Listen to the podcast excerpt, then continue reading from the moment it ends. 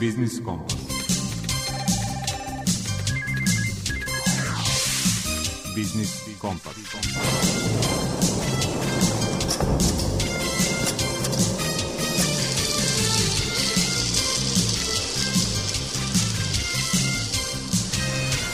Pred mikrofonom je Đuro Vukilić.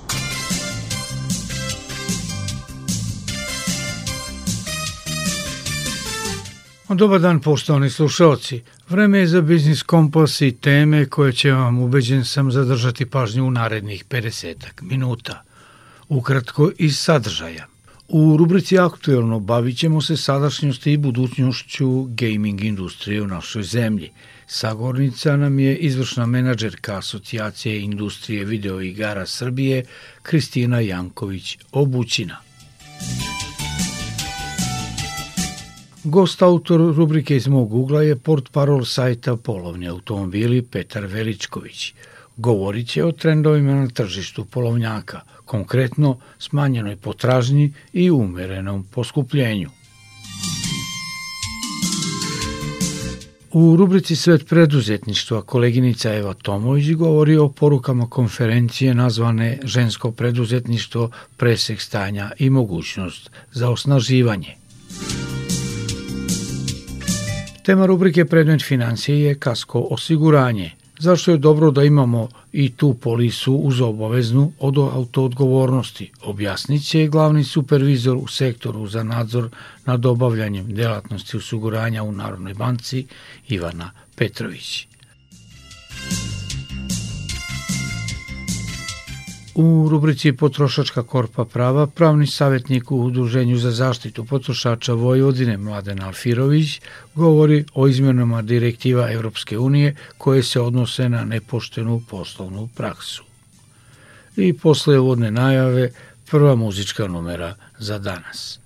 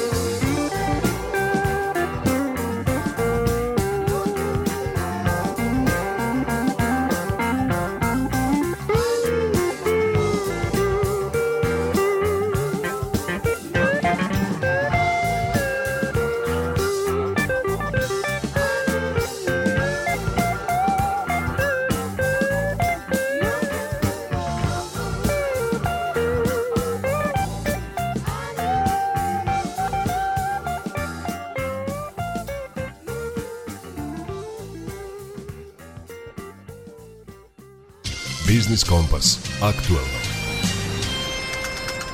Više od 100 miliona igrača širom sveta koristilo je lane igre stvorene u gaming industriji Srbije, a 15 najuspešnijih kompanija u tom sektoru prihodovalo je 150 miliona evra. A kako posle godina izuzetnog uspona danas izgleda gaming industrija naše zemlje, pitali smo izvršnu menadžerku Asocijacije industrije video igara Srbije Kristinu Janković-Obućina.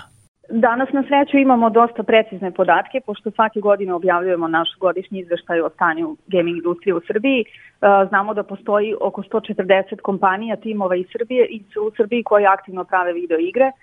U njima je zaposleno oko 2500 baš najrazličitih profesionalaca, dakle to nisu samo e, artisti i programeri, već narativni pisci, sound dizajneri, ljudi iz HR-a, marketinga, ceo taj neki biznis sektor koji je takođe potreban, ali i ovaj kreativni deo oko 30% zaposlenih su žene, što nas svrstava u prvu državu u Evropi po ovoj statistici. Koliko je ovaj sektor, kao u ostalom i ceo IT sektor, konkurentan u međunarodnim okvirima? E, sve igre koje se prave u Srbiji e, plasiraju se na globalno tržište. Oko 60% igara se pravi za mobilne uređaje i znamo da je u toku 2022. igre iz Srbije igralo 100 miliona igrača širom sveta. Uh, tako da, ako se uporedimo po broju stanovnika sa drugim državama, to su otprilike neki, neki slični brojevi. Uh, najvažnija tržišta za nas su Amerika, Engleska i Nemačka. Nadamo se da ćemo u budućnosti uspeti da se probijemo možda malo i kazi, pošto tu stvarno ima uh, puno igrača kako ima još nekako nismo napravili iskorak.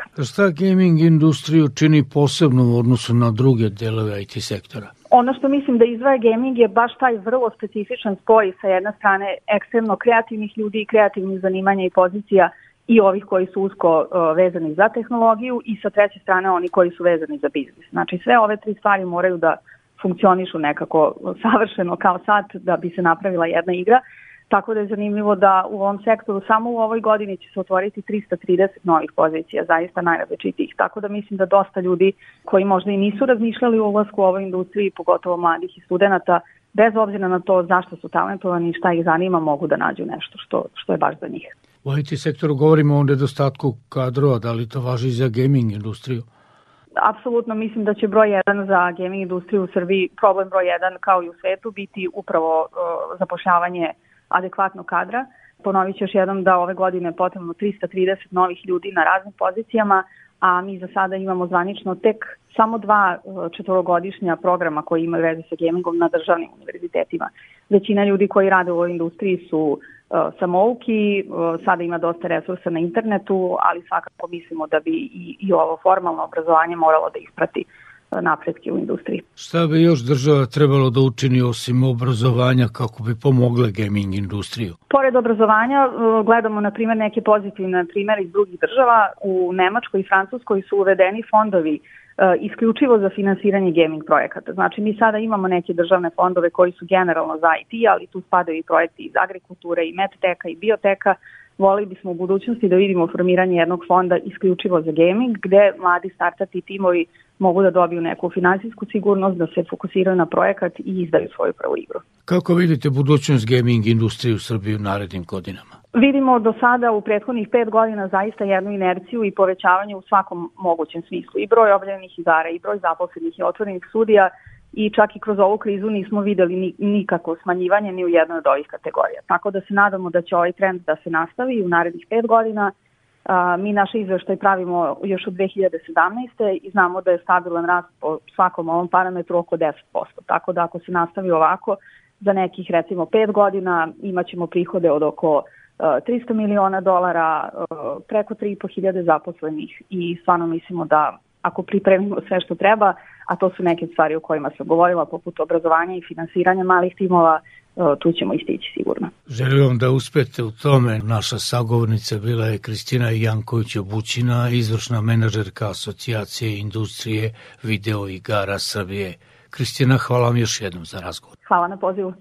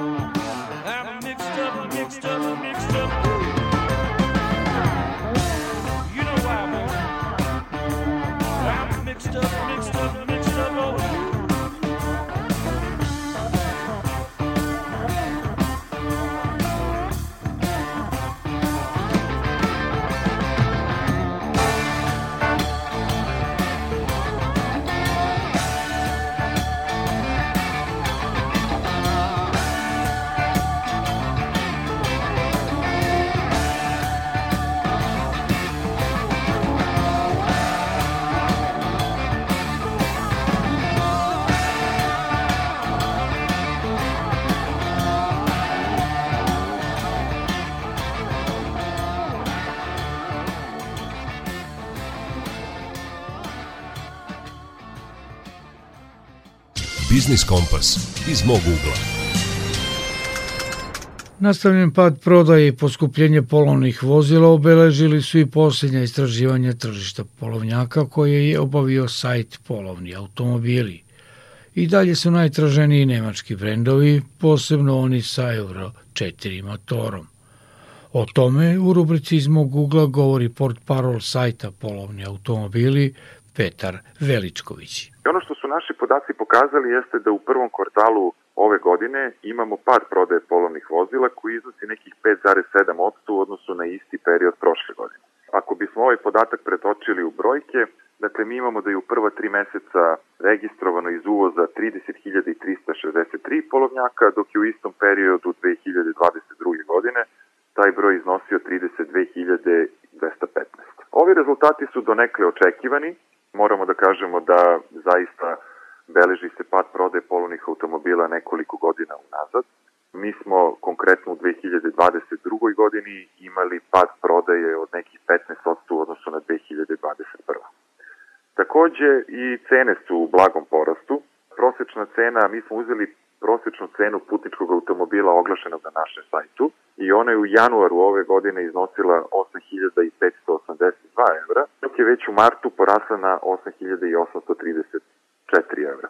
Mi govorimo dakle o rastu cene od nekih 3% u proseku i nažalost i to je nastavak nekog trenda koji traje. Ono što bi mogla da bude potencijalno dobra vest za vozače jeste da ukoliko bi se podaci iz prvog kvartala ove godine preneli na sve naredne, mi ne bismo imali rast cena kako smo recimo imali u 2022. godini.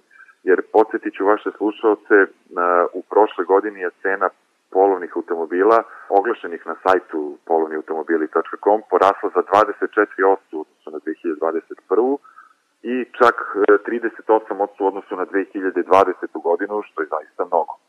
Dakle, ukoliko bismo ove godine imali usporavanje rasta cena, to bi sigurno bio dobar signal, jer svi želimo da se situacija na tržištu dodatno stabilizuje i da nam polovni automobili naravno budu što dostupni. Opet, sa druge strane, mi imamo poskupljenja i u drugim segmentima društva i privrede, nisu dakle samo polovnjaci poskupeli i ne možemo automobilsku industriju prosto posmatrati izolovano od drugih privrednih grana. Svi se nadamo dakle da bi situacija na tržištu mogla da se uskoro stabilizuje, ali ostaje da pratimo pažljivo te podatke, pa ćemo na vreme naše posetioci i vaše slušalce o svim promenama obaveštavati. Podaci iz prvog kvartala pokazuju da su vozači, odnosno kupci polovnih automobila, i dalje okrenuti vozilima pretežno sa dizel motorima. Ukupno je u prvom kvartalu ove godine prodato nekih 19.600 dizelaša i 9.102 benzinca. Ovi podaci su bukvalno na neki način preslikani u odnosu na podatke od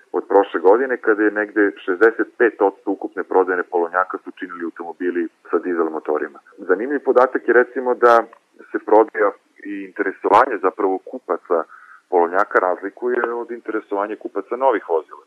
Jer prošle godine su se dominantno prodavali novi automobili sa dizel motorima, a razlog tome verovatno možemo da tražimo u činjenici da ima zaista široka je ponuda novih vozila sa motorima koji imaju malu kubikažu, što znači da njihovo održavanje nije zaista preterano skupo. Mnogi od tih automobila danas nisu veliki potrošači i sve su to negde razlozi zbog kojih naši vozači polako, ali sigurno, barem kad je o novim vozilima reč, naginju i pre odlučuju da njih kupuju.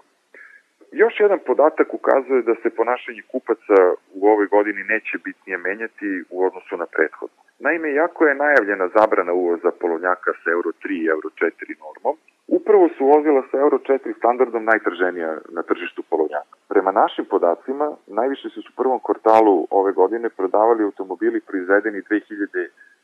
i 2008. godine, što su zapravo preslikani podaci iz 2022. Ovde samo hoću da dodatno vaše slušalce podsjetim da iako će biti zabranjen uvoz tih starih polovnjaka sa Euro 3 i Euro 4 motorima, neće biti zabranjena njihova trgovina za vozila koje se već nalaze u našoj zemlji, koje su već nekoliko puta registrovane. To je svakako važna informacija, jer takvih automobila ima mnogo na našim putevima i zato možda i nije realno očekivati neke velike promene na tržištu kad je reč o cenama, barem za ta vozila. Takođe, nema bitnih promena kada je reč o modelima koje su popularni i traženi među našim kupcima polovnjaka. Tradicionalno su i u ovom kvartalu ubedljivo najtraženiji Volkswagenovi modeli, Golf na prvom mestu, zatim Passat i Polo, a među prodavanijim modelima polovnjaka su Fiat Punto i Audi A4.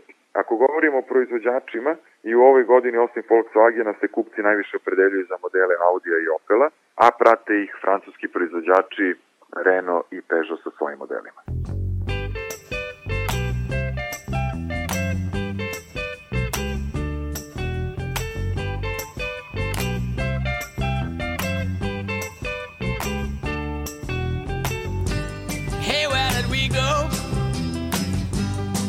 When the rains came down in the hollow, playing a new game, laughing and a running, hey, hey, skipping and a jumping in the misty morning fog with all our hearts a thumping and you, my brown-eyed girl.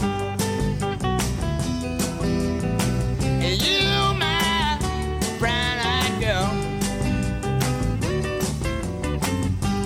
And whatever happened to Tuesday and so slow? Gone down the old man with a transistor radio. Standing in the sunlight laughing, hiding behind a rainbow's wall. Slipping and sliding all along the waterfall with you, my brown-eyed girl.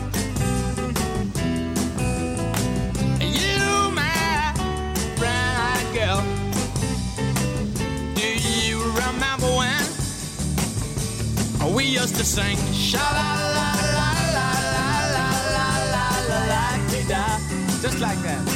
Sha la la la la la la la la la da la da.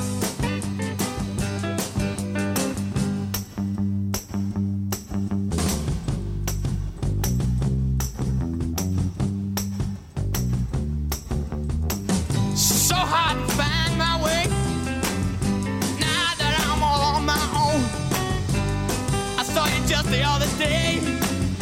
My, you have grown. I cast my memory back there, Lord. Sometimes I'm overcome thinking about making love in the green grass behind the stadium with you, my brown-eyed girl.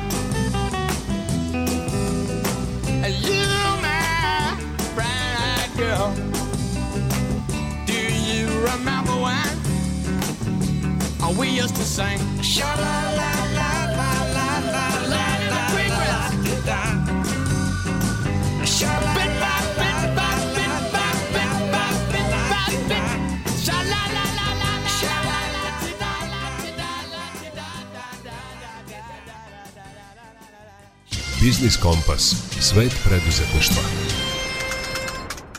Uprkos tome što se na globalnom nivou ulažu ogromni napori za postizanje potpune ravnopravnosti, na vodećim pozicijama u kompanijama i dalje ima više muškaraca nego žena. Važno je i to da se što više žena ohrabri da postanu preduzetnice, jer su one pokretač ekonomskog razvoja svake zemlje. To je poruka konferencije nazvane žensko preduzetništvo, presek stanja i mogućnost za osnaživanje opširnije Eva Tomović. Neophodno je da prepoznamo ulogu koju preduzetnice imaju u pokretanju ekonomskog razvoja kao i da rešimo prepreke sa kojima se suočavaju kako bi potpuno stvarile svoj potencijal, poručila je ambasadorka Nemačke u Srbiji Anke Konrad. Žensko preduzetništvo počinje osnaživanjem devojčica u najranijem detinstvu da preuzmu odgovornost, a donošenje odluka koje sa sobom nose rizik je put do uspeha, poručila je ambasadorka. Entrepreneurship doesn't start after finishing Preduzetništvo ne počinje nakon završetka studija. Ono počinje osnaživanjem žena u školi i pre toga. Preduzetništvo počinje ohrabrivanjem devojaka da budu spremne da preuzmu inicijativu, da budu liderke, izgradnjom uverenja da imaju kapacitete i talente za svoju budućnost, da slede moto da će uspeti oni koji rizikuju. Nothing gained. Većina preduzetnica u Srbiji odlučuje se za pokretanje biznisa iz nužde, odnosno nakon godina pokušavanja da pronađe adekvatan ili posao u struci, a tek u poslednjih godinu dana statistika počinje da prepoznaje žene koje svoje biznise ne počinju zato što nemaju drugi izvor zarade, istakla je poverenica za zaštitu ravnopravnosti Brankica Janković. Postignut je i pomak u zakonskoj regulativi, izmene zakona o finansijskoj podršci ženama sa decom u skupštinskoj su proceduri i očekuje se da budu usvojene narednih dana. Raduje me I u tom smislu evo prilike i da javno se i zahvalim i pohvalim sada prihvatanje svih naših inicijativa od strane Ministarstva za demografiju i porodicu, jer u sadašnjem nacrtu izmena i dopuna zakona o finansijskoj podršci porodici sa decom sve naše inicijative od prethodnih godina, trajanja porodijskog odsustva i na izjednačavanje partnera i supružnika, žena preduzetnica u pogodu korišćenja porodijskog odsustva, sredstva mi vidimo da je prihvaćeno, iako smo prethodno koristili i onaj mehanizam koji ne volimo da koristimo, a to je predlog za ocenu ustavnosti. Jer, kažem, nije uvek bilo razumevanja od e, strane resornih ministarstava. Osim pravnog okvira pokrenuto je mnogo inicijativa i projekata radi stvaranja boljih mogućnosti za žene, rekla je ministarka za brigu o porodici i demografiju Darija Kisić. Samo u toku prošle godine, kroz projekat Ključni koraci ka rodnoj ravnopravnosti, 10 lokalnih samuprava dobilo je namenska bespovratna finansijska sredstva za poboljšanje položaja žena na tržištu rada, žensko preduzetništvo i ekonomsko osnaživanje žena na selu. Sa istom praksom nastavili smo i tokom ove godine i još 10 lokalnih samuprava podržana je u ukupnom iznosu od 4,8 miliona dinara, a pet ženskih udruženja sa 17,5 miliona dinara. Znači, e, ukupna vrednost ove finansijske podrške za ovu godinu do sada je bila 22,3 miliona dinara. Kako bi više od 2500 žena e, i dalje unapredilo svoje znanje i veštine i tim poboljšalo svoj socioekonomski položaj. Iako žene sve više ulažu u svoje obrazovanje i dalje ih ima više nezaposlenih nego muškaraca. Situacija nije mnogo drugačija ni u razvijenim zemljama Evropske unije. Bez obzira na dobre uslove za rad, žensko preduzetništvo nije dovoljno zastupljeno, te od ukupnog broja onih koji su pokrenuli sobstveni biznis, preduzetnice čine tek trećinu. Konferencija Žensko preduzetništvo, presek stanja i mogućnosti za osnaživanje organizovali su ambasada Nemačke i Nemačko-srpska inicijativa za održivi rast i zapošljavanje. You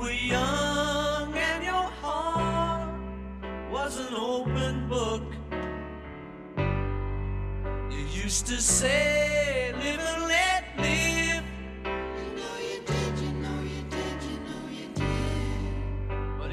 this ever-changing world in which we live in makes you give in and cry. Say, live and let die.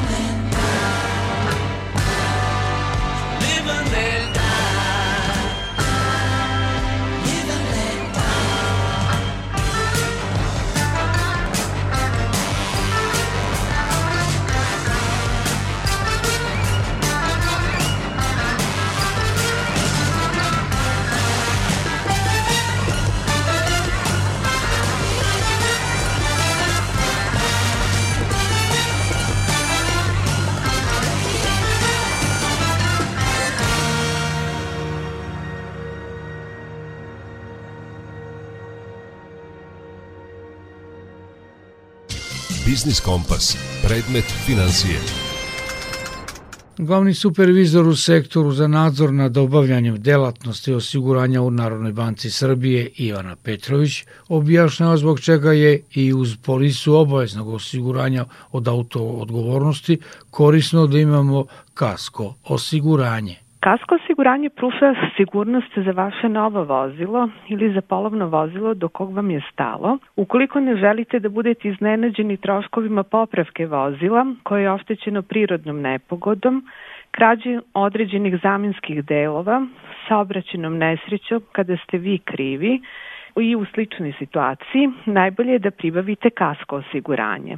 Naravno, kasko osiguranje pokriva i zamenske troškove ukradenog vozila u visini totalne štete, to jest vrednosti ukradenog vozila prema jedinstvenom sistemu procenjivanja polovnih motornih vozila. Prema uslovima osiguranja može se osigurati novo vozilo i polovno vozilo ukupne zamenske vrednosti često iznad 2000 evra, mada treba proveriti kod društva za osiguranje kolika je ta zamenska vrednost minimalna. Pri čemu se osigurana vrednost računa u visini vrednosti novog vozila umanjenog za iznos amortizacije.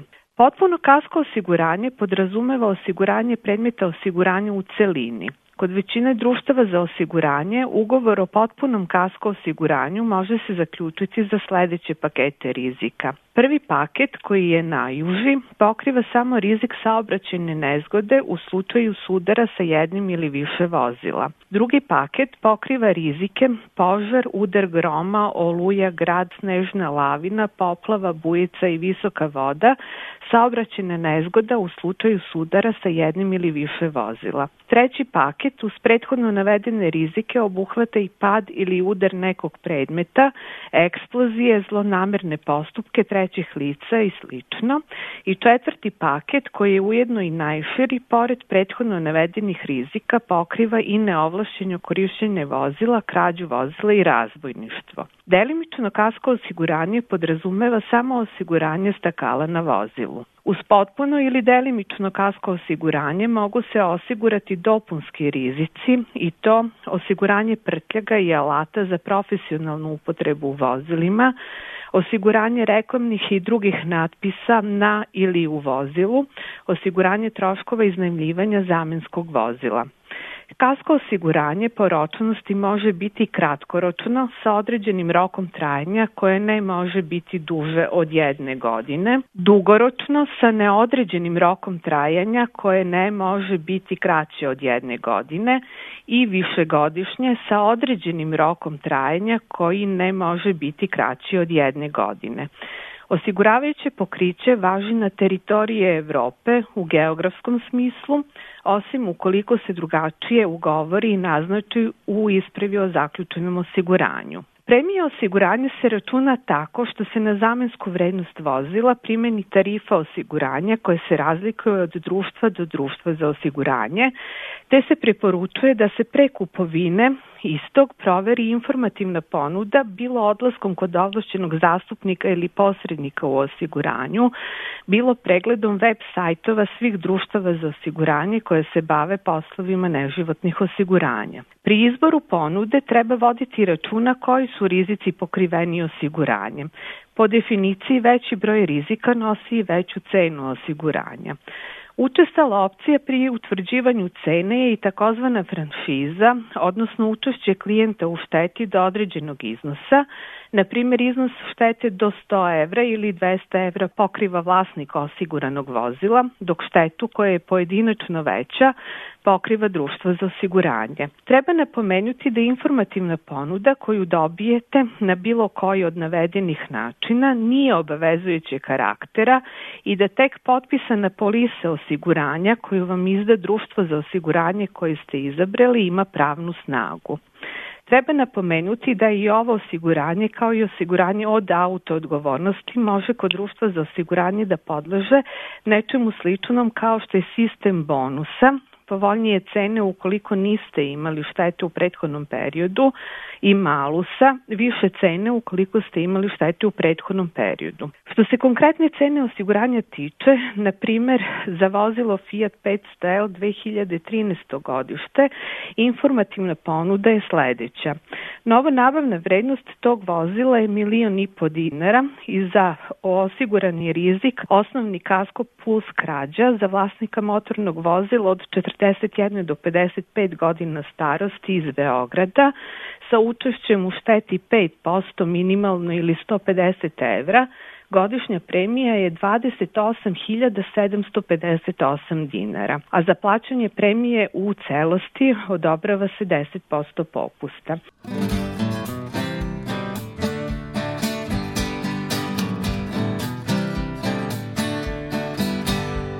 The love I felt, the love I gave. The tears I've cried, songs I've played.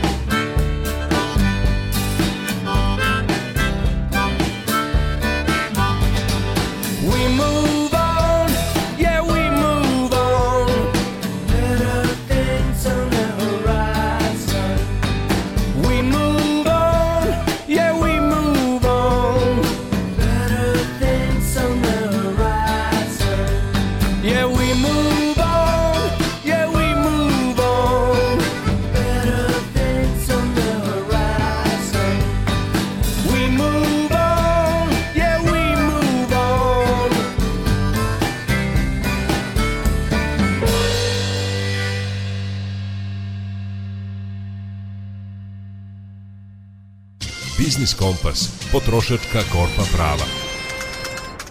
Evropski parlament je usvojio direktivu kojom je izmenio propise oko nepoštene poslovne prakse kako bi se znatno osnažila prava potrošača. Od novih direktiva Evropskog parlamenta koristit će imati potrošači, proizvođači i izvoznici iz Srbije, objašnjava u rubrici Potrošačka korpa prava pravni savjetnik u Udruženju za zaštitu potrošača Vojvodine Mladen Alfirović.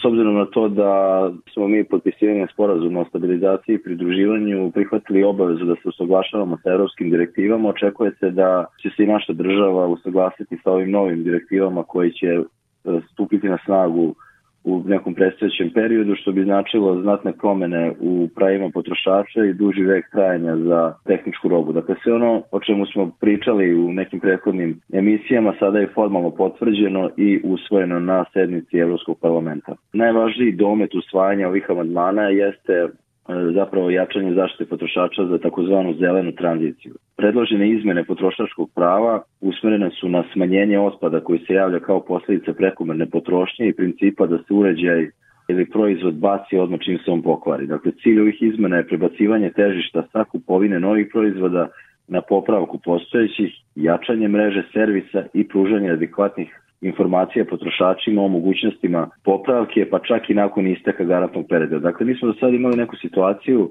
da je zakonska garancija dve godine i nije postojala obaveza za trgovce da nakon tog perioda u kom odgovaraju za nesaobraznost obezbede rezervne delove, što praktično znači da kad vam prođe ta zakonska garancija, ako se uređaj pokvari, desi se da nema rezervnih delova, dakle jedino što vam preostaje jeste da se on baci da se kupi novi. Međutim, sad se ta pravila znatno menjaju i zabrana elemenata koji ograničavaju trajanje određenih uređaja koje se prvenstveno odnose na materijal za servisiranje su do sada bili takvi da stimulišu zapravo zamenu novim pre vremena očekivanog za iste garancije tog proizvoda, Međutim, sada ćemo biti u situaciji da nakon isteka te zakonske garancije budemo u prilici da neki uređaje popravljamo, jer će trgovci biti u obavezi da potrošačima pre nego što se kupi određeni proizvod jasno i nedosmisleno saopšte koliko dugo nakon isteka te dve godine će moći da poprave taj uređaj i bit će u obavezi da obezbede rezervne delove za pojedinu vrstu tehničke robe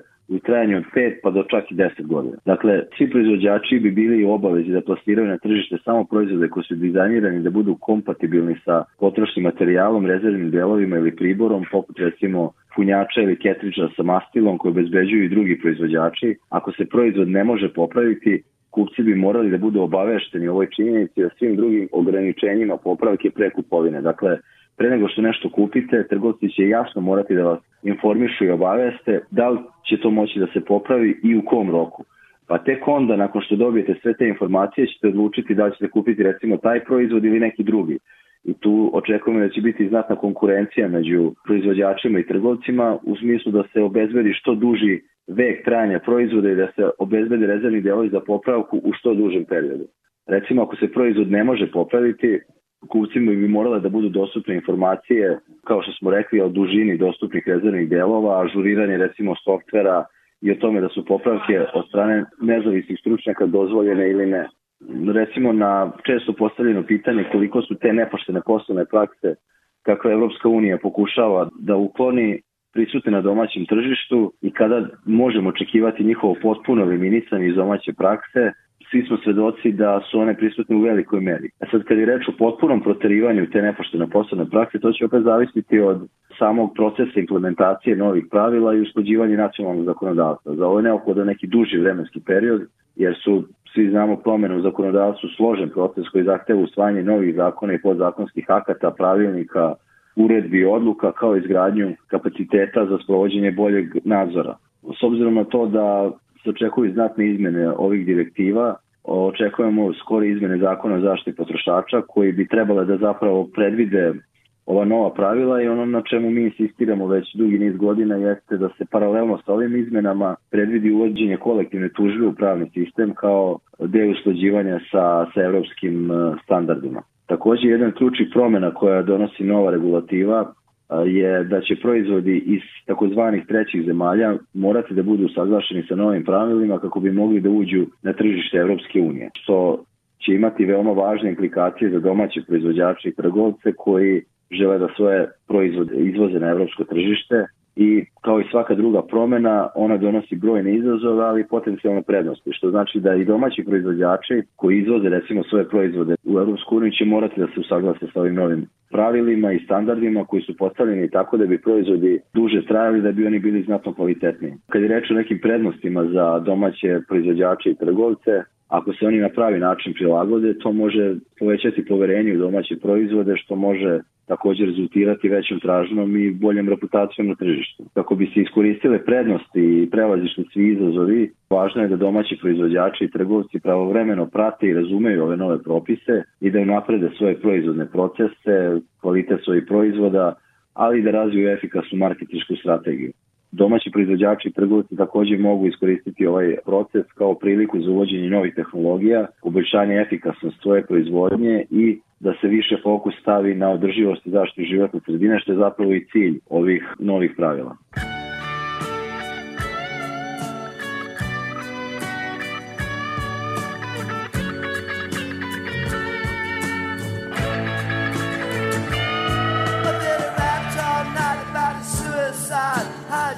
in the head when he was 25. Speed jive, don't wanna stay alive when you're 25.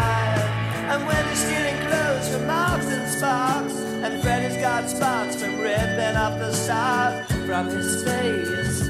Funky little road rage. The television man is crazy, Sam with juvenile delinquent Rex.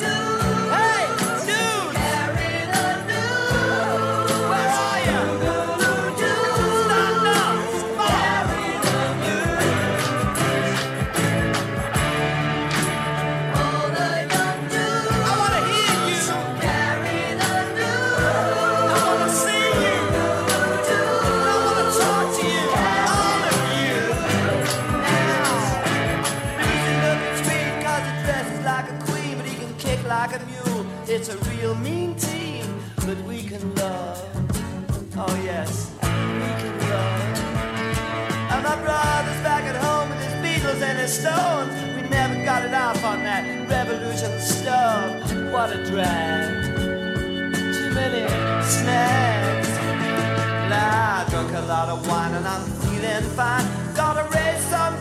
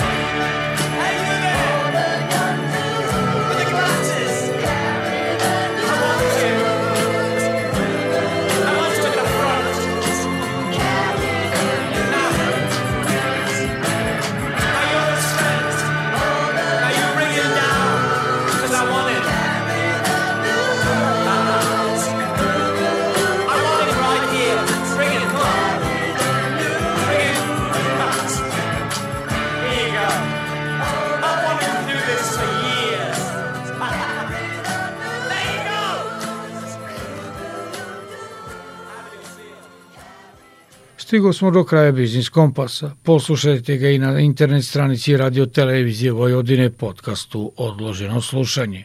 Muzički urednik Zoran Gajinov, ton majstor i Boja Šanca i urednik emisije Đuro Vukelić vam žele ugodan nastavak posle podneva i večeri uz Radio Novi Sad. Zdravi bili i čuvajte se.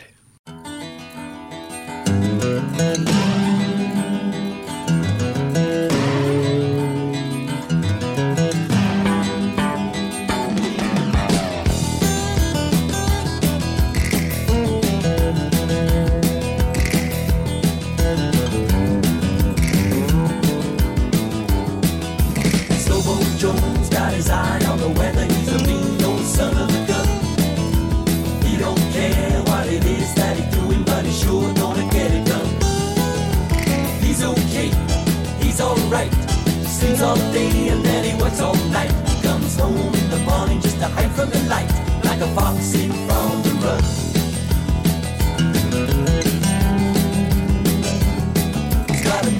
Chevy and it moves so fast. He's halfway there before it's even past.